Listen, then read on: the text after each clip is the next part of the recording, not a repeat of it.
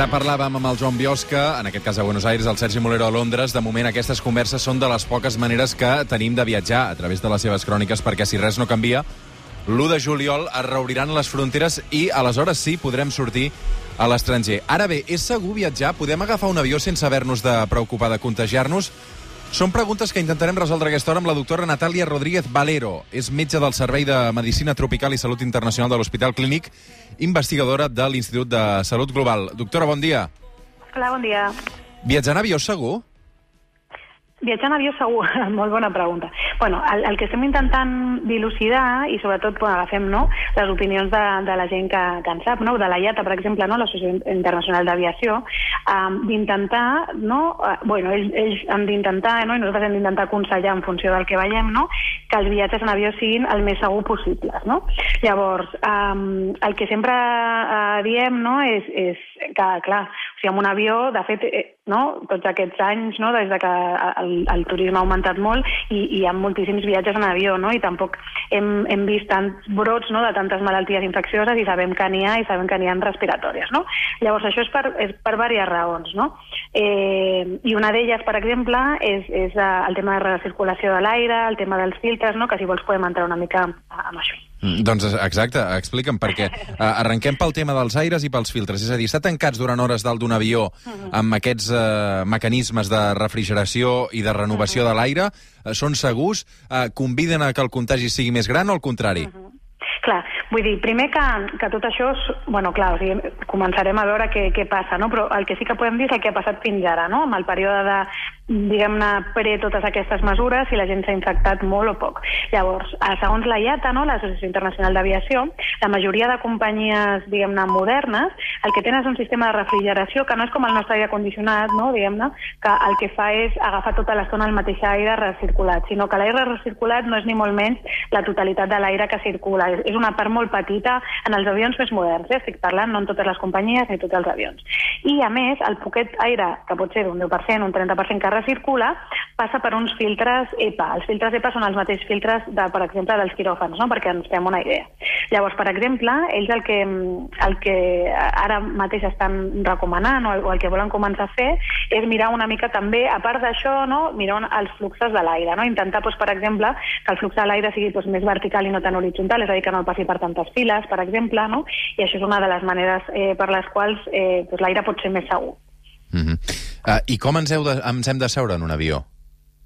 Bueno, això és una altra de les, de les preguntes eh, importants, no? Clar, al principi, de, bueno, sobretot aquí el problema, bàsicament, pel que es veu, no? que jo amb això sí que no sóc experta en economia, és que totes les companyies, i això sembla que és bastant unànime, és que eh, diuen que si deixen seients entre mig, diuen que això no serà rentable i llavors no podran fer vols, no?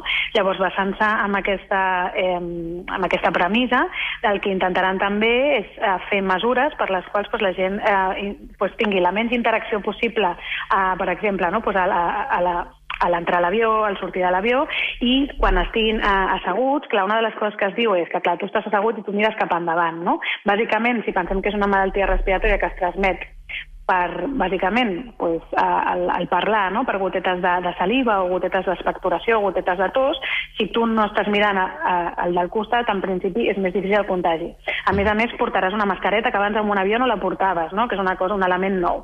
I a més a més també parlen no? de que el seient del darrere, clar, tu tens tota una tot el seient no? que, que t'està protegint del del darrere o del del davant.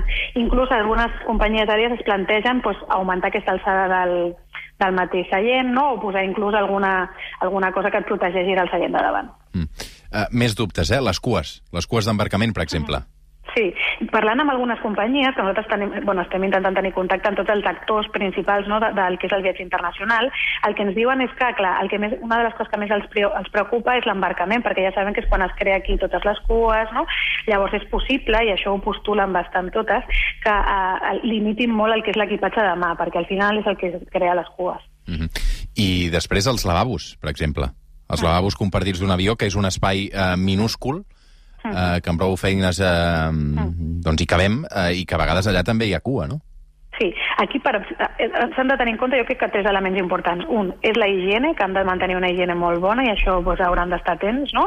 La segona cosa que diuen és que no... De, o sigui, El tema de fer la cua per anar al lavabo, això una mica s'haurà acabat, no? O sigui, tu aniràs al lavabo si estàs lliure, et podràs aixecar en un moment donat i tornar a seure, però no podràs fer les cues que, que es feien abans. I a mi, com a, com a metge, no? I, i sobretot en salut internacional, que em preocupa una mica, jo crec que hem de, de ser molt conscients, i els passatgers han de ser molt conscients, és pel tema de les trombosis venoses, no? Perquè ja sabem que eh, quan hi ha viatges molt llargs, hi ha certs pacients, no? o cert tipus de persona, que poden tenir més tendència a fer petits eh, coàguls de sang a les cames, no? I inclús poder que, que això provoqui algun problema de salut més greu. No? Llavors, en aquest sentit, jo crec que hem de ser conscients d'aquests típics exercicis no? que, que es recomanen per fer a l'avió i tal, no? quan són moltes hores, hauran de ser ara més importants, estirar les cames, fer exercicis, perquè si ens podem moure menys, això pot ser un problema. Doncs aquests són alguns dels consells que ens dona la doctora Natàlia Rodríguez Valero, metge del Servei de Medicina Tropical i Salut Internacional de l'Hospital Clínic, a l'hora d'agafar un avió, que és una cosa que podrem fer um, bastant aviat, i alguns alemanys doncs, podran fer a partir d'aquest dilluns per visitar, en aquest cas, Mallorca. Doctora, moltes gràcies. Molt bé, moltes gràcies. Fem una pausa i al suplement, molta atenció després de tres mesos, al retorn físic i en persona de... Maica Navarro.